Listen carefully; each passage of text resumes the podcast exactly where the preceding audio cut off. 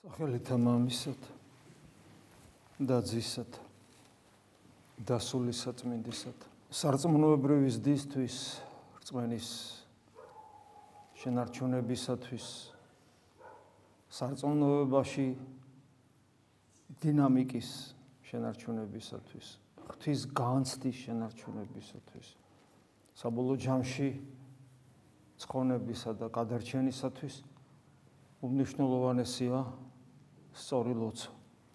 ლოცვაზე ძალიან ბევრი ვისაუბრია, ბევრი წაგვიკითხავს და ალბათ სანამ ამ ქვეყანაზე ვიქნებით, ბევრი სწავლა კიდე მოგვიწევს. თან არ დაგვავიწყდეს, რომ ჩვენ ტრადიციას მოწყვეტილნი ვართ, გულისხმობთ ათეიზმს, რომელსაც ძალიან დააზიანა ჩვენი ეკლესია. ასევე გულისხმობ იმ გაუსაზლის პირობებს, რომელიც მრავალი საუკუნე არსებობდა საქართველოში. რომელიც განაპირობებდა როგორც საღვთისმეტყველო, ისე ლოცვითი სკოლების მოშლას. მაგრამ თუ ჩვენ გავიაზრებთ ლოცვის მნიშვნელობას, ეკლესიაში არსებული მადლი, ჩვენ დაგვეხმარება სხვა ადგილობრივ ეკლესიათან კავშირი, რომლებას მეტაგლება ტრადიცია შეინარჩუნეს. ათონის წმინდა მთასთან კავშირი ყველაფერს დაგვეხმარება რომ ლოცვითი სკოლა სკოლები ჩვენთან აღორძინდეს. ეს რომ აუცილებელია სახარებიდანაც ვიცით აი დღესაც აღმოვიკითხეთ როგორ ეუნებიან მოციქულები უფალს გვასწავლე ლოცვა. როგორც იონი ნათლისმცემელი ასწავლიდა თავის მოწაფეებს. ანუ ლოცვა ისწავლება ჩვენი წინამორბედისაგან, ანუ ჩვენი სულიერი წინაპრებისაგან, ანუ წმინდა მამებისგან, მოძღვრებისგან. აი დღესაც, რადგან სახარებაში მამაოჩენო იკითხებოდა, ვიფიქრე, რომ კიდევ ერთხელ შევეხოთ ლოცვის საკითხს, რომელიც შეიძლება ითქვას ყველაზე მნიშვნელოვანია, იმიტომ რომ ადამიანი გარეგნულ ღვთისახურებას მეტაკლებად ახერხებს თვით ისე დიდ საიდუმლოებას, როგორც არის ევქარისტია. მოვა დადგება, დადგება და მიახლება სიწმინდეს და მიიღებს სიწმინდეს და მაგრამ თუ მას ლოცვითი განწყობა არ აქვს, მან თუ არ იცის ლოცვა, ანუ ღმერთთან კავშირი არ აქვს, ან კავშირი როგორ დაამყაროს ღმერთთან არ იცის, ან ამ კავშირის დამყარების მცდელობა არ არის, ან არ სწავლობს ამას და ამით არ ამზადებს თავის გულს, ну მაშინ აბა როგორ გამოვა? გარეგნულ მსახურებაში მონაწილეობა არაფრის მომცემი არ იქნება. ან პირიქით დასაჯელიც კი შეიძლება იყოს. აი ესეთ რამეს ვკითხულობ ჩვენ მათეს სახარებაში. ყველაფერს რა თქმა უნდა ვერ შევეხებით ლოცვისას, ლოცვის საკითხებს, მაგრამ რამდენიმე საკითხი შეიძლება გავიაროთ. რაც მნიშვნელოვანია, რაც უნდა ვიცოდეთ ლოცვის დროს. მათეს სახარებაში უფალი გვეუბნება: რაჟამ სილოცვიდე, შევეთ საუნჯესა შენსა და დახაშ კარი შენი. და ილოცე მამისა შენისა მიმართ ფარულად და мама ისენი რომელიც ხედავს დაფარულთა მოგაგოშენ ცხადად აი აქ საუნჯესა შინა შესვლა როგორც წმინდა მამათა უდიდესი უმრავლესობა განმარტავს ეს არის საკუთარ გულში შესვლა და არასალმე ოთახში შესვლა ის ფაქტი რომ ჩვენ საკუთარ თავში უნდა შევიდეთ რომ ვილოცოთ ალბათ ერთ-ერთი ყველაზე მეტად ვისაც ამაზე პოლემიკის სტილში აქ დაწერილი, ეს არის წმინდა გრიგოლ პავლამა, რომელსაც სწორედ ვარლამი ეკამათებოდა, რომ ლოცვა პირიქით უნდა სადღაც ისე ლოცვითი ენერგია, აზრობრივი ენერგია გარეთ უნდა გავიდეს. და არა და შიგნით. საერთოდ და ითქვას, რომ ადამიანი მოუნათლავიც რომ იყოს, ანუ არა ქრისტიანიც კი მას წესით თუ გონიერია, უნდა ინტუიციურად ხდებოდეს, რომ აი ურწმუნოც რომ იყოს, მოდი ესე ვთქვათ. მოუნათლავი კი არა უბრალოდ არამედ ურწმუნოც. უნდა ხვდებოდეს თუ გონიერი ადამიანია ინტუიციურად მაინც უნდა ხვდებ ინტუიციურადაც არა მარტო ლოგიკურადაც არამედ ინტუიციურად უნდა ხვდებოდეს რომ თუ ღმერთი არსებობს ის საკუთარ თავში იპოვიდა მას. იმიტომ რომ ადამიანმა გზნობდეს რომ ყველაზე მთავარი ღირებული რამ რაც კი ადამიანს აქვს ის შიგნით განიცდება მათ შორის სიყვარული. შიგნით გან იმედი ყველაფერი შიგნით სინდისის ქეჯნა ყველაფერი შიგნით განიცდება. მე არ ვიცი ბავშვობაში მოვინათლე და ამიტომ არ მახსოვს რას ნიშნავს ღმერთი შინაგანი განცდა, როგორი შეიძლება იყოს მოუნათლავი ადამიანისათვის. ეს ეს უნდა იცოდეს დასრულმა ადამიანმა რომელიც დასრულ ასაკში შეგნებულად მოინათლა და უნდა ახსოვდეს მდგომარეობა ძველი და მანამ შემდგომ ნათლობის შემდგომში. მაგრამ მონათულ ადამიანს მით უმეტეს უკვე ის უკვე მორწმუნა ხდება ეს ეს გამოცდილება უკვე უნდა კონდეს თუ ის მეტაკლებად ცდილობს სწორასულიერი ცხოვრებით იცხოვროს რომ ერთად კომუნიკაცია მხოლოდ შიგნით არის შესაძლებელი. ეს არის ის საიდუმლო ურთიერთობა ღმერთთან რომელიც ბოლომდე ვერბალიზაციას რაციონალურ განმარტებას არ ექვემდებარება ეს არის გამოცდილება. მაგრამ ჩვენ ეს უნდა კარგად გვახსოვდეს ჩვენ ეს ყოველთვის უნდა გავახსენოთ საკუთარ თავს და შიგნით შიგნით ველაპარაკოთ უფალს გრიგო პალამახო ხაზგასმის და ამბობს, რომ საკუთარი სხეულიდან არ გახვიდეთ ლოცვის დროს. ეს ხდება აი დაფარულად, მამისა შენისა მიმართ დაფარულად, ანუ საიდუმლოებრივად ხდება. მას არ არის ვერ ხედავს. ეს არის მხოლოდ შენი პირადი საქმე, რომელიც შენ შიგნით აღესრულება და სოციუმი, რომელშიც ჩვენ ვიმყოფებით ის, რა თქმა უნდა, მოქმედებს ამაზე, მაგრამ პრინციპული მნიშვნელობა ამას არ აქვს. ამას წმინდა ნიკოლას კავასილაც ამბობს, ბასილი დითანაც მახსენდება. გარეგნული ჩვენი ცხოვრების წესი არის მეორე ხარისხოვანი, ამიტომ რომ ადამიანები დილემის წინაშე დგანან, დაქორწინდნენ თუ მონასტერში წავიდნენ თუ ამაზე ნერვიულობენ, სანერვიულო საერთოდ არ არის, იმიტომ რომ ამას პრინციპული მნიშვნელობა საერთოდ არ აქვს. მან უბრალოდ თავარია რომ ნიჭის მიხედვით იმოქმედო და ღმერთმა გამოაჩინოს ყველა ადამიანის ნიჭი და ახაც სიბზნე გინდა რომ ნიჭის ღმერთისაგან მოცემული ნიჭების საწენააღმდეგოდ არ წახვიდეთ თორე პრინციპული მნიშვნელობა ამას არ აქვს საერთოდ. თავარი არის შიგნით კონდეს ეს ურთიერთობა ღმერთთან. შემდეგი დარიგება ესეთი არის: ფლისა, რა ჟამსილოცვიდეთ, ნუ მრავლასა იტყვით, ვით არცა იგი წარმართნი, რამე თუ გონებეთ, ვით არმეთ მრავლისა მეტყოლებითა მათითა ისმინონ მათი. ეს ზოგადად ესე არის, როდესაც ადამიანი ერთის ხრივ, ერთის ხრივ წმინდა წერილიც მიგვანიშნებს, რომ ჩვენ უფალს უნდა ვევეტროთ და ღამე ეს ერთის ხრივ ესია.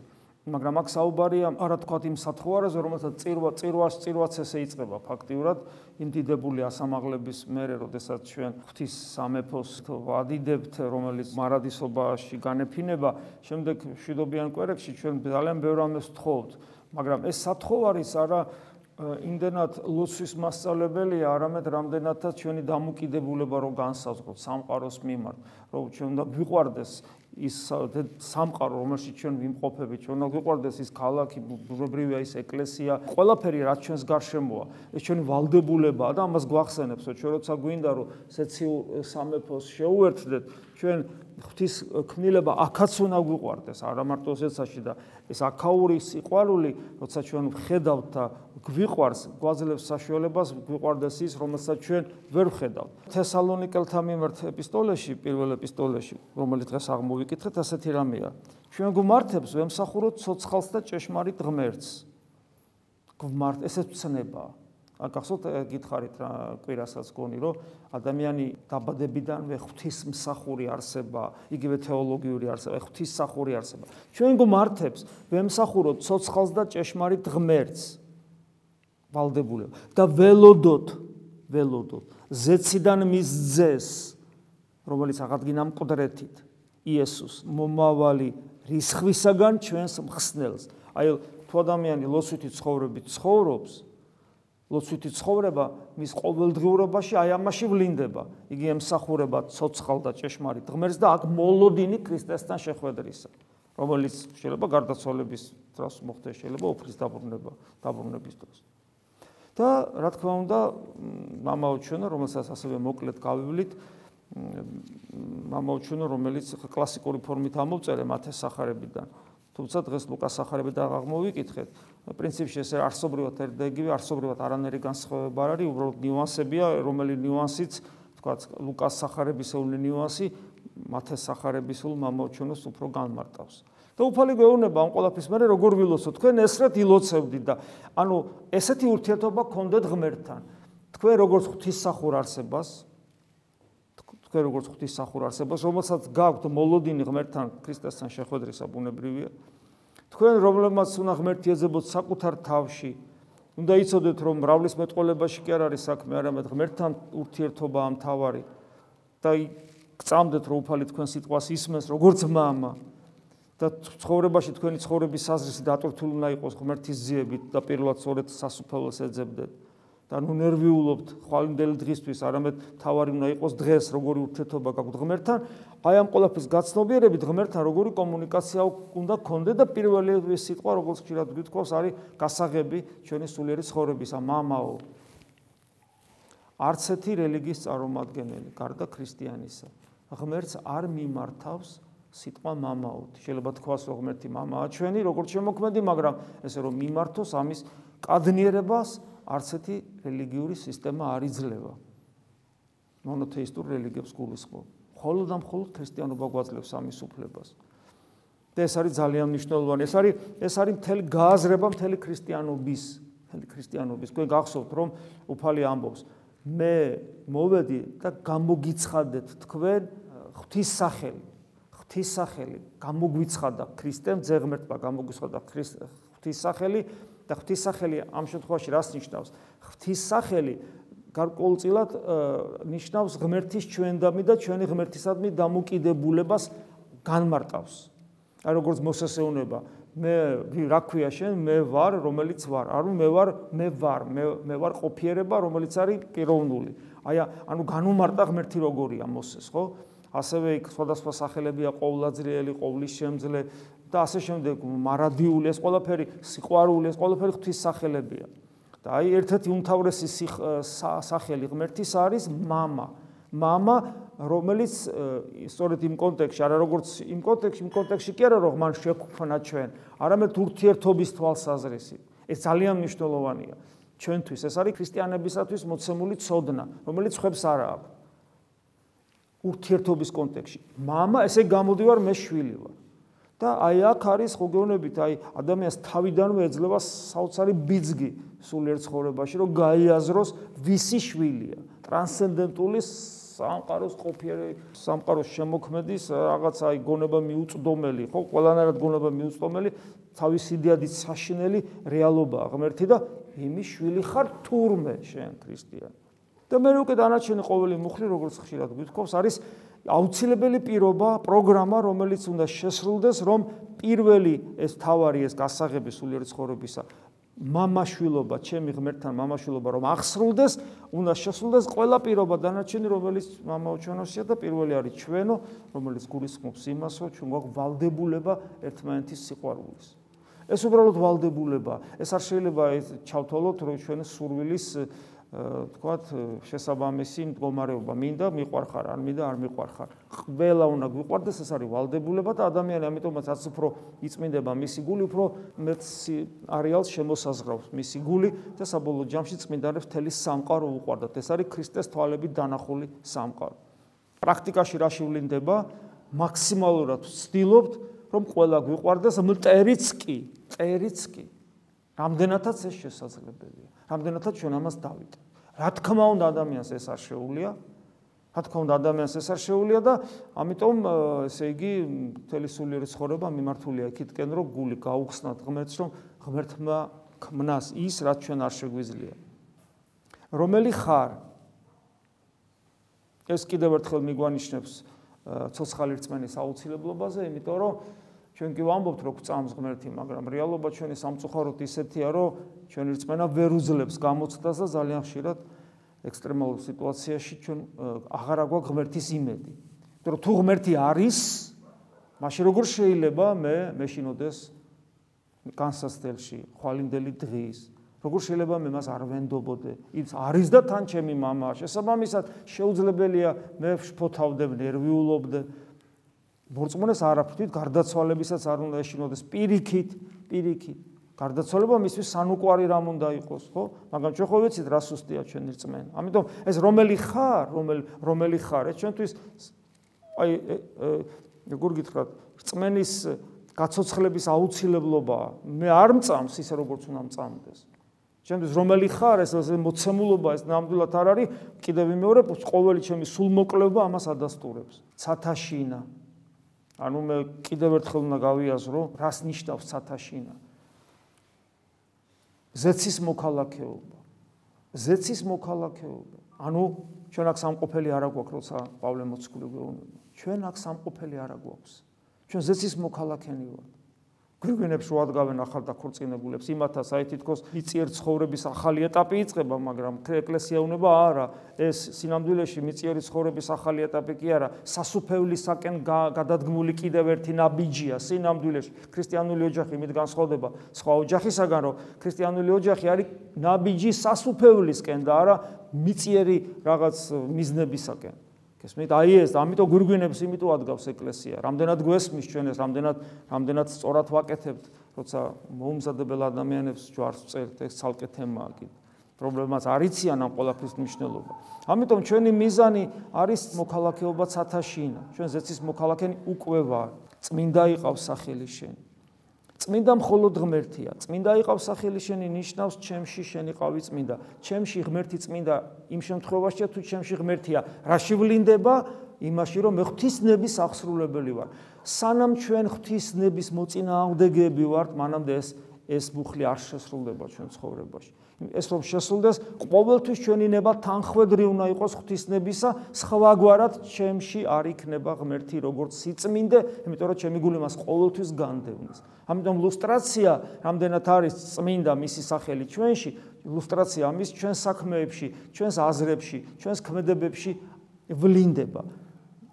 რამდენად რამდენად და ეს რა თქმა უნდა ქმედების მერე აზრის მერე განცდის მერე ვაფიქსირებ რამდენად თანხვედრაშია ჩვენი აქტიურობა ამ სოფელში და ჩვენი აქტიურობა შინაგანი აზრებში და გულისიტყვებში რამდენად თანხვედრაშია სახარების სულთან. ანუ ღვთისნებასთან. მოვედინ სუფევა შენი ჩვენ ვითხოვთ. მუდამ რაღაცას ლოცვაში და აი ახას ვითხოვთ. მოვედინ სუფევა შენი მაგრამ რამდენად ვიაზრებთ, რას ნიშნავს ეს? ხშირად გვითხოვს ხოლმე, კაცო, რო ითხოვ შენ, მოვედინ სუფევაშენი მამაოჩვენოს. გინდა? ადამიანი დაფიქრდება და უცებ იაზრებს თუ ჭკვიანია, რომ არც კი იცის რას ითხოვს. რა არის მოვედინ სუფევაშენი? გესმით? აი ზეცის მოქალაქეობა, რომელიც წერა ვახსენეთ სათაშინა. ჩვენ ამას ვითხოვთ, რომ შენ გაგმზაობა, რომ აი ეხლავე ამ წუთში სრული სისავსი ზეცის მოქალაქე იყო. ღვთის სასუფეველი სრულად დამკვიდრდეს სად? შენში. შენში. ყოვლადწმინდა სამება დამკვიდრდეს მამაზე და სულიწმინდა როგორც იონეს სახარებაში კითხულობ და შენ მზათა ხარ გინდა ეს შენ? გინდა? ანუ თელი სისავსი თელი სისრულით ქრისტეს დაემსგავსო გაწყობს გინდა. შენ ხო იცი ეს სოფელი რას გიზავს? მზათა ხარ ამისათვის? მზათა ხარ იმისათვის რომ არასოდეს თავი არ დაიცვა ამას უფლის სულისგან აგრესიისაგან რისხანებისაგან თქვა ხო უსიყვარულობისაგან ამასოფლისვე მეთოდით. თავი დაიცვა რა თქმა უნდა. ოღონ ქრისტიანულად, მზად ახარ ყოველთვის თავი დაიცვა როგორც ქრისტიანმა და არა როგორც ამასופლის ადამიანმა. მზად ახარ ამისათვის. ჩვენ არც ერთი ამისთვის მზად არ ვარ. არც ერთი ამისათვის მზად არ ვარ. მაგრამ ჩვენ ამას ვითხოვთ. ანუ ჩვენ ეს არ შეგვიძლია, მაგრამ უნდა უნდა ვეცადოთ ამას. უნდა გვინდოდეს უფრო სწორად ეს. ეს მე აი ამაშია საქმე. ამიტომ ეს სათხოვარი მოვედინ სუფევაშენი სარიელ სიტყვებად რო არ იქცეს ჩვენ არ ვართ, მაგრამ უნდა გვინდოდეს. რო არ ვართ, იმიტომ ვითხოვთ. არა ვარ სასუფეველის მოქალაქე ჩემი ცხოვრების წესით. ღვთის სუფევა ჩემში არ არის, სამეფო არ არის ჩემში, იმიტომ რომ მაგრამ უნდა მინდოდეს, უნდა მინდოდეს, ძალიან უნდა მინდოდეს მე ეს. ამის აუცილებელი პირობა რომ ეს მოხდეს არის კიდევ ერთხელ ნება ნებაზე აქცენტი იყავ ნება შენი, აი ამის ამის განხორციელება ჩვენში. ადამიანი სანამ არ მიხვდება რომ მისი ნება უკეთურია, მანამდე მისთვის ეს იყავნება შენ იქნება მკვდარი სიტყვები.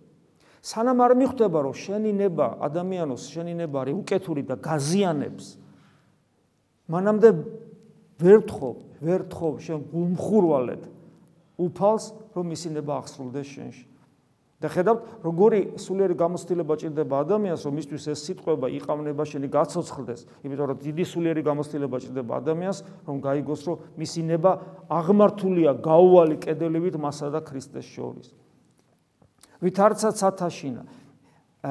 იყავ შენინება, როგორც ზეცაშია შენინება. როგორ ზეცაში როგორ არის ღვთისნება და არა მიწაზე. აა აქ რა ღვთისნება არ არის? ღვთისნების garaში ხდება რა მე?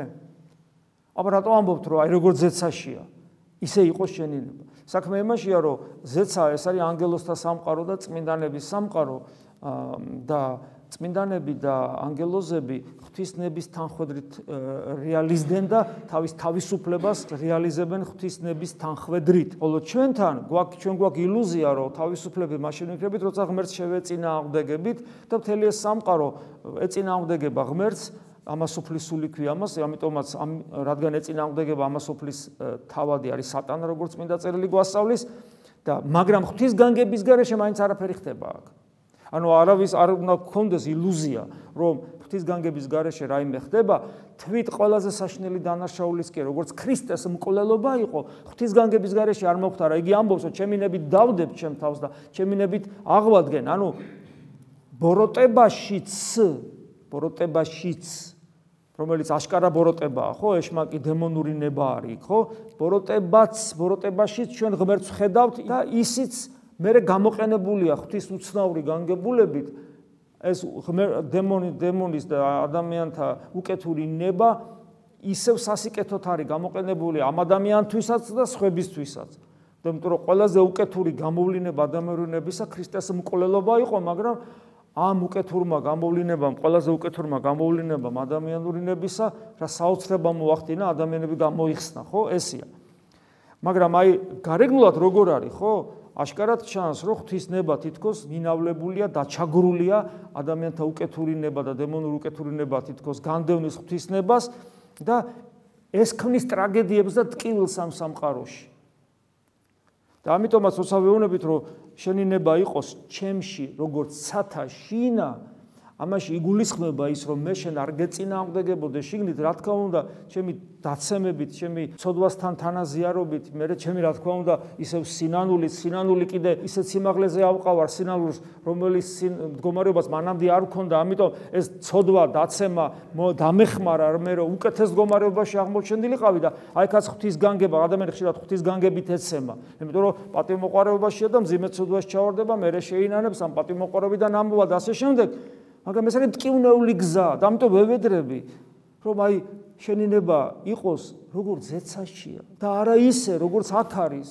აქ ტკივილ ტკივილს იწევს შენებასთან ჭიდილი. მაინც შენ იმარჯვებ მაგრამ ტკივილს იწევს და ნუ იქნება ჩემში ესე არამედ ჰარმონიულად იყოს შენთან ურთიერთობა. ამიტომ შენი ნება იყავნება შენი ვითარცა ცათაშინა ანუ როგორც ცათაშინა არის ეგრე იყოს აქ ქვეყანასაზე და პირველ რიგში როცა ვსაუბრობ ქვეყანაზე ეს თითოეული ჩვენგანის გულია და მე თუ ვევედრები ჩემი გული პური ჩვენი არსობის პური ჩვენი არსობისა რა თქმა უნდა ეს არის ჯერ თუ მიწიერი კუთხით შევხედავთ ეს არის ღმერთზე მინდობა ბოლომდე რომ ხვალინდელ დღეზე კი არ ვფიქრობ დღეს ჩემი ცხოვრება ფიზიკურიც კი შენზეა დამოკიდებული მაგრამ რა თქმა უნდა უპირატესად ეს არის ქრისტეზე საუბარი რომელიც გარანტია ქრისტე ქრისტეს ჩვენს გულში შეშვება და ქრისტესთან ერთობა არის გარანტია იმისა რომ ჩვენ ნამდვილად ხვდებით და ქრისტესთან თანაძმობა და თანადობა არის გარანტია იმისა, რომ ჩვენ ზეციური მამიშვილები ხვდები და პური ჩვენი არსობისა, არის ეს ნიშნავს, რომ სიცო ჩემი სიცოცხლე არა ხორცელი სიცოცხლე ხო მიწიერი,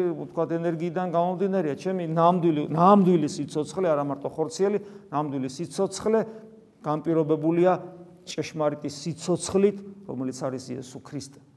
და მომეთ ჩვენ დღეს ნიშნავს იმას, რომ მარადიული ურთიერთობა უნდა მქონდეს და მარადულად უნდა ვიღებდი ამ არსობის პურს, მარადული ურთიერთობა უნდა მქონდეს სიცოცხლესთან და მომეთ ჩვენ დღეს ამას ნიშნავს და წმინდა ეგნატე ბრიანჩენოვი როგორც გითხარით, ამას ამბობს პრაქტიკაში ეს ვლინდება იმაში, რომ ყოველ დღე შეგიძლია ეზიარო და ეს პრინციპში ყველაზე კარგი რამ არის, თუ რა თქმა უნდა ადამიანი ამ ყველაფერს გაცნობიერებულად აკეთებს და არა მექანიკურად. და მომიტევე ჩვენ თანანადებნი ჩვენი თანანადებმა ლუკას ახარებასთან პირდაპირ წერია მოგვიტევე ჩვენ ცოდვები. თანანადები ნიშნავს ვალს. ამიტომ როცა ჩვენ ვწოდავთ, ვალი გვედება, რომელიც უნდა გამოვისყიდოთ, რომელიც უნდა გადავიხადოთ. გადაუხდელი კი, რა თქმა უნდა, მოხდა დიდი გადახდა ღმერთის მიერ, როდესაც მან იტვირთა ჩვენი ცოდვები, მაგრამ იგი ახლაც ტვირთულობს ჩვენ ცოდვებს.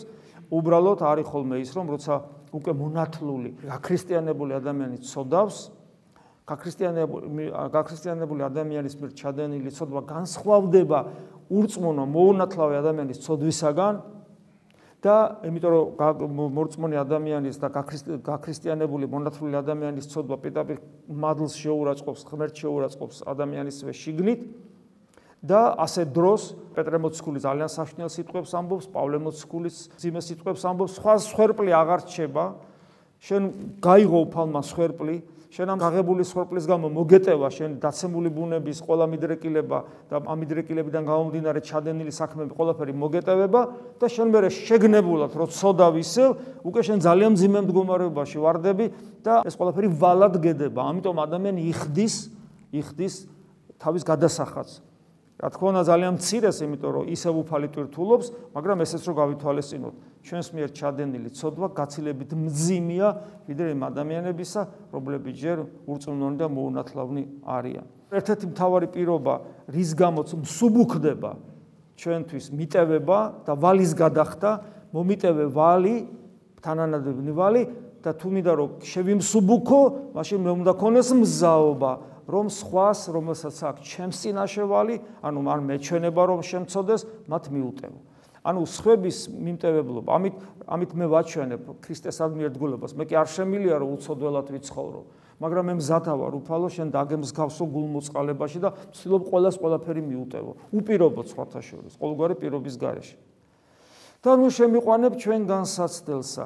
ადამიანი განსასწრელის garaში არ არსებობს, როგორც ხშირად გვითხოვს, გვისაუბრიათ, რომ განსასწრელი და ეს არის გამოცდა, რომელიც ღმერთისგან დაშვებით ხდება, რომ გამოიცადოს ჩემი რწმენა, მაგრამ არ უნდა იყოს ეს განსასწრელი ისეთი, რომელსაც მე ვერ ვიტვირთავ.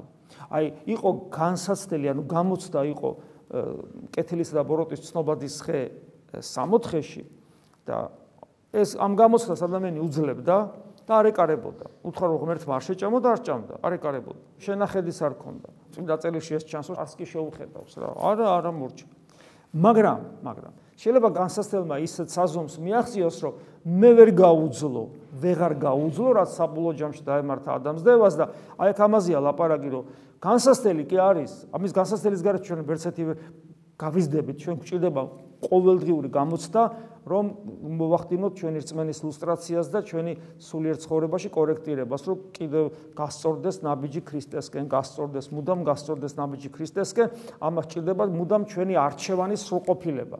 არჩევანი ყოველ დღე დღეში ბევრჯერ უნდა დავადასტურო რომ ქრისტია ჩემი არჩევანი, ქრისტია ჩემი არჩევანი, ქრისტია ჩემი არჩევანი, იმიტომ რომ ჩემი დაცემული ბუნება სხვანაირად წამიყვანს, სადღაც გადამაგდებს. ამიტომ მე ცოცხალი არჩევანი უნდა მქონდეს, ქრისტე, ქრისტე ჩემი არჩევანი და ეს არჩევანი რომ რეალიზდეს, სრულყოფილება მოხდეს, აუცილებელია გამოცდა ყოველდღიური, ყოველწამიერი თან ბევრჯერ.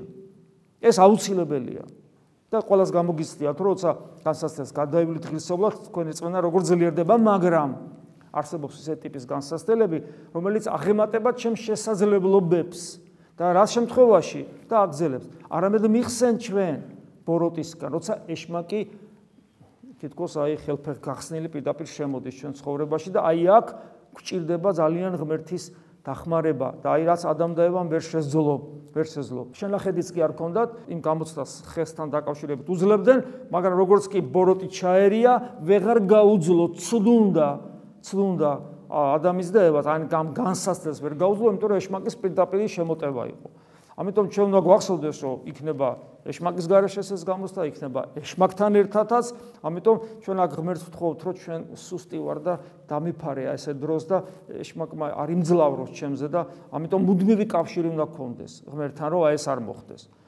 და რა თქმა უნდა, მე მთავრდება რამე თუ შენი არ სუფევა ზალი და დიდება საუკუნეთა მიმართ როგორც მათეს სახარებასთან ვკითხულობთ, ანუ ჩვენ ვაღიარებთ მის ძალას, დიდებას, დიდებულებას და ყოვლის შემძლეობას, რომელიც ესე იგი არის გარანტია ყველაფერი იმისა, რასაც რაზეც ჩვენ საუბრობთ. და აქ ჩანს კარგად ლოცვის мотиваცია. ესე იგი ლოცვის мотиваცია ყოფილა ის, რომ მე ვიყო ღმერთის შვილი, კიდევ ერთხელ რომ კარგად გვახსოვდეს და შეუძლებელია მოხდეს არსობის პურის გარეშე, ანუ სიცოცხლის გარეშე, რომელიც ქრისტემ მოიტანა და შემოიტანა ჩემში, ამიტომ მუდმივი კომუნიკაცია, მუდმივი ურთიერთობის მცდელობა უნდა გქონდეს ქრისტესთან. და მე მთავრდება ნუგეშის სიტყვებით, რაც დღეს აღმოვიკითხეთ, ხოლო მე ეს რა თქმა უნდა რთულია, მაგრამ უფალი გვეუბნება მე გეტყვით თქვენ ითხოვდით და მოგეცეს თქვენ ეძიებდით და ხპოვოთ ირეკდეთ და განგეღოს თქვენ რამე თუ ყოველი რომელი ითხოვდეს მიიღოს და რომელი ეძიებდეს პოვოს და რომელი ირეკდეს განეღოს. ეს სიტყვები არის ყოვლის შემძლე ღმერთის სიტყვებით ჩვენთვის ნუგეშა და საჩუქრად მოცემული და გვახსოვდეს თუ ჩვენ მართლა გვინდა რომ ღმერთის შვილები ვიყოთ და მართლა გვინდა რომ რეალიზდეს ჩვენში ქრისტიანი ახალი ქმნილება მაშინ ჩვენ მოუკლებლი უნდა ვებედრებოდეთ ვეძებდეთ და ვრეკდეთ. აი ამისთვის ამისთვის მოუკლებლად. და რა თუ ეს ასე იქნება მაშინ ყველაფერი კარგად დასრულდება. ერთხელაც ჩვენ შევაღებთ სასופეულის კარებს და ისეთ დიდებაში და ისეთ სიხარულში შევალ, რომელიც არც თვალს უნახავს, არც ყურსმენია და არც გულს არ შეხები, ანუ ვერც კი წარმოვიდგენთ. აი ამისთვის ვართ ჩვენ მოწოდებულნი აქ. შეგვეციოს უფალი ამინ მადლი უფლისა ჩვენისა იესო ქრისტეს და სიყვარული ღვთისა და მამისა და ზიარება სულისა წმინდისა იყოს თქვენ ყოველთა თანა. ამინ.